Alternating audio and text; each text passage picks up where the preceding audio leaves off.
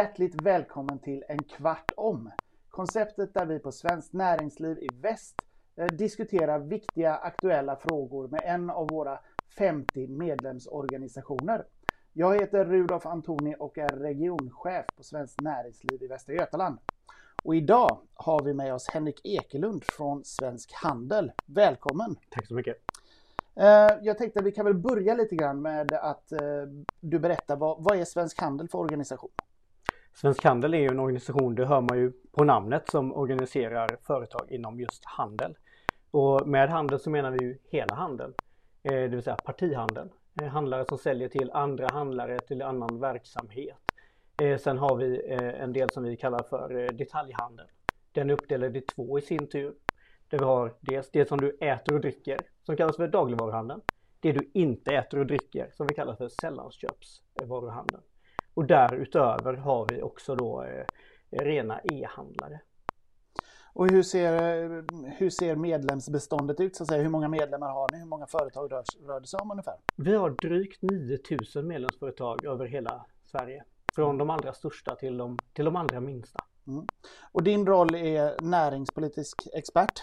Stämmer. Eh, och du sitter där i Göteborg, men jobbar du bara med Göteborg eller eh, jobbar du eh, över större delar av landet? vi har ju en organisation som utgår från, från Riks så att säga. Så jag har ju egentligen ett, ett riksuppdrag men jag sitter i Göteborg och har då särskilt koll på Göteborg och Västsverige och den här delen av landet. Vilket lämpar sig väldigt väl för idag ska vi prata om gränshandeln, eller hur? Det stämmer. Eh, jag tänkte om vi, om vi börjar med för att beskriva liksom gränshandeln. Vi backar till tiden före coronapandemin och, och ser hur, hur, eh, hur stor har gränshandeln varit och hur har utvecklingen sett ut? Framförallt kanske längs med gränsen mot Norge tänker jag på då. Ja, det är ofta den gränshandeln som vi tänker på. Vi har ju gräns även mot, mot Finland och Danmark. Och Finland, eh, den gränshandeln som är där är ju mer utbudsberoende. Mycket beroende på att ett eh, stort svenskt möbelföretag har eh, en, ett stort varuhus högst upp i Sverige. Där det åker finnar över. Och sen så har vi ju Danmark. Där har det mer varit beroende på pris. Om svenskar åker till Danmark eller om danskar åker till Sverige. Men Norge är lite speciellt. Där har det ju varit på grund av eh, eller på höga eh, norska punktskatter som har gjort att man har sett en väldig vinst i att åka över till Sverige och handla. Och vi har ju bedömt att den, eh, alltså gränshandeln mellan Norge och Sverige har ju ett värde på ungefär 28 miljarder kronor år 2019. Och det var en ökning från 25,6 tror jag det var 2017. Så det har ju varit en blomstrande och en växande delbransch naturligtvis. Mm. Och det här är, är det någonting som eh, huvudsakligen, alltså gränshandeln, är, har den huvudsakligen varit av betydelse för just de kommunerna som ligger ut med gränsen eller har den har det en vidare betydelse för Sverige som helhet? Mm, det är klart att Först och främst tänker man ju på de gränshandelskommuner som är, alltså med eh, Strömstad, med Eda, Årgäng och Tanum. Där man kan se att eh, exempelvis i Eda som då har Charlottenbergs köpcentrum och eh, Strömstad som då har Nordby shoppingcentrum. Så är det ju en fjärdedel av de anställda i kommunen som är anställda inom, inom handeln. Så det är klart att det får extremt stor betydelse i de här kommunerna. Jag menar som Strömstad som har ett, eh, vi tittar på något som kallas handelsindex. Där man ser att handlas det lika mycket i en kommun som det motsvarar invånarna så har man 100. Eh, och där ligger ju Strömstad på över 1000. Eh, och tittar man bara på dagligvarusidan, alltså maten, så ligger man på 1500. Så det är klart att i de här kommunerna så är det ju en jättegrej. Men det är ju ett vidare perspektiv som du är inne på där. att maten och drycken och kläderna och det du säljer i gränshandeln har ju sin, sitt ursprung någon annanstans. Eh, det handlar om våra hamnar naturligtvis på, på västkusten. Det handlar om den eh, verksamhet som är längs med E6. Både vad gäller själva transporterna men även lagerverksamhet, partihandeln. Allt det här som, som mynnar ut och sen så tillför ju naturligtvis handel eh, värde till statskassan och ungefär 6,5 miljard räknar vi med eh, att eh, gränshandeln bidrog med 2019. Blir det ju då. Jag tänker att det också är en, en, ett viktigt första steg in på arbetsmarknaden för många unga människor. Eh, att, att man kanske har ett av sina första jobb i, i antingen i besöksnäringen eller i handeln och det har ju varit eh, väldigt tuffa tider det senaste året. Eh, men om, om vi tittar på siffrorna så att säga, eh, för eh, du sa ett, ett handelsindex över, över 1000 i Strömstad. Hur har utvecklingen sett ut med de stängda gränserna? Det är ju klart att när Norge stängde gränsen den, den 12 mars förra året så gick ju det här från 100 till 0 i stort sett. Och då har man 7200 anställda i de här kommunerna som är direkt kopplade till gränshandeln som naturligtvis får det ytterligt svårt. Och när du har då sån stor del av ekonomin som, som beror på detta så klart, då får du ju stora konsekvenser. Eh, och sen är det klart att som, som företagare så funderar du på hur ska, det här, hur ska det här gå? Hur länge orkar man hålla i med, med det här? Mm, jag tänker, ni har haft många medlemsföretag hos er som har, har upplevt eh, det här oerhört traumatiskt kan jag tänka mig.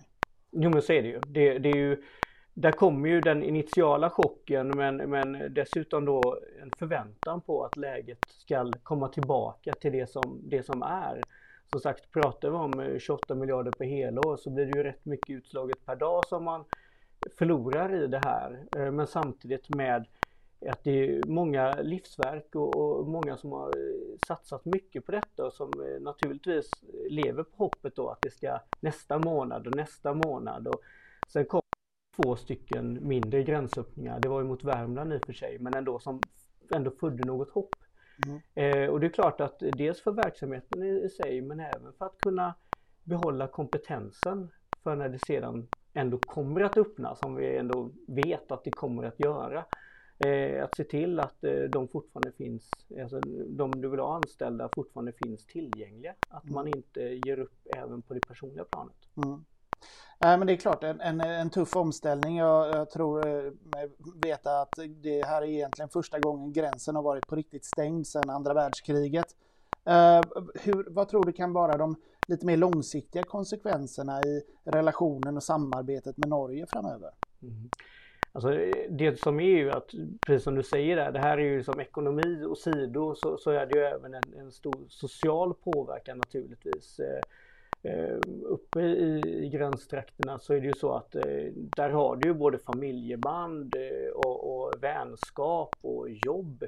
Du kanske har sommarstuga på ena sidan, bor på andra sidan. Du kanske ena parten, en familj kanske jobbar eh, inte sällan på, på sjukhus på norska sidan och du själv jobbar på svenska sidan. Och, och det är klart att när det kommer en sån här eh, gränsstängning och när det dessutom kommer diskussioner kring, kring ursprung för, för, för smittan och, och en rädsla för varandra som det faktiskt har blivit. Där man i vissa delar till och med pratat om svenska smittan och man ser till att skapa restriktioner för svenskar som jobbar i Norge på ett annat sätt än vad det gör för din egna befolkning. Och, och man tittar snett på norska bilar i Sverige och på svenska bilar i Norge så är det klart att då, då skapar du sår som blir svåra att, eh, att läka sedan. Så jag tror att den ekonomiska biten kommer ju att läka betydligt snabbare och kräva mindre jobb om man får eh, ursäkta mm. än vad den sociala biten. där Jag tror att vi behöver ett mer långsiktigt arbete och, och, där man kan hitta projekt som förenar som exempelvis bättre infrastruktur och se till att normalisera och till och med förbättra kontakten mellan de här två brödrafolken. Det behövs liksom ett, ett aktivt handlande för att eh, eh, läka de här, de här såren framöver. Eh, det, det räcker inte med att ja, men vi öppnar gränsen och så återgår allt till det normala. Det, du tror inte det? Alltså till del kommer det göra, men jag tror att det behövs i alla fall en medvetenhet om, om svårigheterna och ett eh, i viss mån aktivt arbete att eh, se till att läka relationerna. Eh, I Norge så har man ju under, eller i efterdyningarna av, av eh, första vågen här av pandemin, man såg hur mycket av eh, pengarna som stannade i Norge har ju fött en diskussion där om de här punktskatterna som man har i Norge och vet att man har gjort vissa justeringar där till och med utifrån det underlaget. Vad, vad, är, är det någonting som kommer påverka återhämtningen av, av gränshandeln tror du? Blir det mindre attraktivt för norrmännen att handla i Sverige? Alltså det, det, det, jag tror det får mindre påverkan än vad man kan tro. Alltså hade det varit för eh, 10 år sedan eller 15 år sedan kanske det hade fått större påverkan. Eh, då, då, var ju gränshandeln i stort sett bara en prisfråga. Eh, nu har ju gränshandeln även blivit en destination, ett utbud som du annars inte har eh, på det här avståndet normalt sett. Eh, och vi ser ju exempelvis att var fjärde norrman som åker över handlar skor och var sjätte, eller kläder och var sjätte handlar skor när man är över. Så, det tyder ju på att man eh, inte bara lockas av priset utan även utbudet. Sen ska man ju säga att de aviserade sänkningarna är kanske inte det häradet som skulle behövas för att eh, ta koll på gränshandeln. De är inte så stora, det blir Nej. inte. Nej, nej men så är det. Och sen är det ju en vane, vanefråga också. Att det, jag tror att det finns en längtan att återgå till att eh, få åka över till, eh, på sina harryturer till, till Sverige igen och, och handla och dels fynda eh, mat och, men även ta del av det större utbudet av både tjänster och, och, och varor som finns här. Mm, det är en upplevelse också, det är inte bara shoppingen utan det är en, det är en helhet. Mm. Mm. Men om, om vi säger då att eh, coronarestriktionerna skulle lyftas helt och hållet nu till sommaren. Eh, vi blir vaccinerade, gränsen öppnas. Hur tror du återhämtningen kommer se ut? Hur lång tid tar det? Kommer vi tillbaka till samma läge som före krisen? Alltså det finns ju goda förhoppningar om att det faktiskt kommer bli så. Det såg vi inte minst när, när man öppnade gränsen till, till Värmland. Det var ju karavaner eh, av bilar och, och norrmän som tog sig naturligtvis tillbaka till sina ordinarie shoppingmönster och, och det får vi hoppas att, att det blir samma sak eh, här. För det är ju fantastiska anläggningar som är uppbyggda och ett fantastiskt utbud som sagt eh, och priser som fortfarande kommer att locka. Eh, så det är klart att det finns en klar förhoppning och, och troligtvis så är vi väl tillbaka någorlunda i alla fall.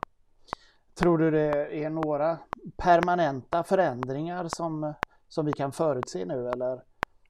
Jag tror att det är svårare att se i så fall. Det, det får jag nog nästan eh, passa lite på. Ja. Det, får vi Nej, det är se. svårt att säga Ja. om framtiden. Ja. Men, men eh, om vi säger att vi öppnar upp och de här karavanerna kommer. Är företagen på den svenska sidan rustade för det så att säga? Har de personal för det eller kommer det vara en utmaning i så fall? Det är ju nästa fråga och det är ju klart att där, där kommer du att ha en utmaning. Eh, det är klart att nu har det gått över ett år. Eh, du har eh, personal korttidspermitterad och, och det är klart att någon gång kommer du till en gräns både vad gäller verksamheten och hur mycket den klarar innan du som hamnar i konkursläge men också naturligtvis om, om du som individ jobbar inom handeln och handeln försvinner så är det klart att då, då kommer du ju att se om ditt bo till slut. Och sen har vi också det att eh, handeln har ju varit en naturlig, eh, ett naturligt steg efter gymnasiet för, för väldigt många ungdomar. Och om inte handeln finns kvar finns det ju en stor risk att man flyttar till andra ställen. Eh, och det här handlar ju om att behålla kompetens eh, för att kunna öppna. Nu skulle jag vilja avslutningsvis här be dig, dina tre viktigaste medskick när det gäller gränshandeln. Vad är de? Mina tre medskick är för det första så är gränshandeln, eh, den har större betydelse än bara för gränstrakterna. Och det spelar in i det vi pratade om tidigare helt enkelt att gränshandeln är en sak, den bidrar med väldigt många arbetstillfällen, 7200 arbetstillfällen, den bidrar med väldigt mycket värde, 28 miljarder, mycket skatter, 6,5 miljard. Eh, men den påverkar också mönster eh, långt utanför Fyrbodal och Värmland eh, vad gäller partihandel, vad gäller transporter, vad gäller godset. Så, så det är klart att det får större påverkan än, än bara för gränstrakterna. Mm. Den andra delen är att eh, man ska vara medveten om att gränshandeln är i dvala. Den är inte borta. Den har inte dött. Eh, Den har inte dött. Nej. Utan eh, det här är en väldigt speciell situation. Där vi har många företag som, som befinner sig i ett läge där omsättningen är nära noll. Vi ser ju på vår norska motsvarighet till SC, SCB som heter SSB. De bedömde att gränshandeln minskade med 87,5 procent 2020. Om man då bedömer att gränsen var öppen fram till 12 mars så är det nästan 100 procent. Mm. Eh, men som sagt det finns god potential att det här går från 0 till 100 på samma sätt som det gick från 100 till 0. Och den tredje delen är att eh, gränsstängningen eh, har drabbat eh, hårdare än bara ekonomiskt. Att Hur menar du då? Jo men att eh, det finns ju som jag sa tidigare väldigt upparbetat att du har vänskapsband, du har familjeband. Eh, inte bara pengar utan det är Nej, även precis. kultur och relationer och, och, sånt som är påverkat. Absolut, en stor känslomässig förlust naturligtvis eh, när det helt plötsligt finns en gräns där som vi annars bara ser i, i kartboken och som påverkar ditt liv markant eh, där du i många fall inte kan ta det till din arbetsplats och om du gör det så har du restriktioner som omgärdar när sommargäster inte kan ta sig till Bohuslän eller, eller när svenskar inte kan ta sig till sitt eh, naturliga skidområde eller den delen. Så eh, jag tror att man inte får glömma av det sociala och känslomässiga i detta och inte bara se det ekonomiskt. Henrik Ekelund, tack så mycket. Tack så mycket. Och tack för att ni tittar.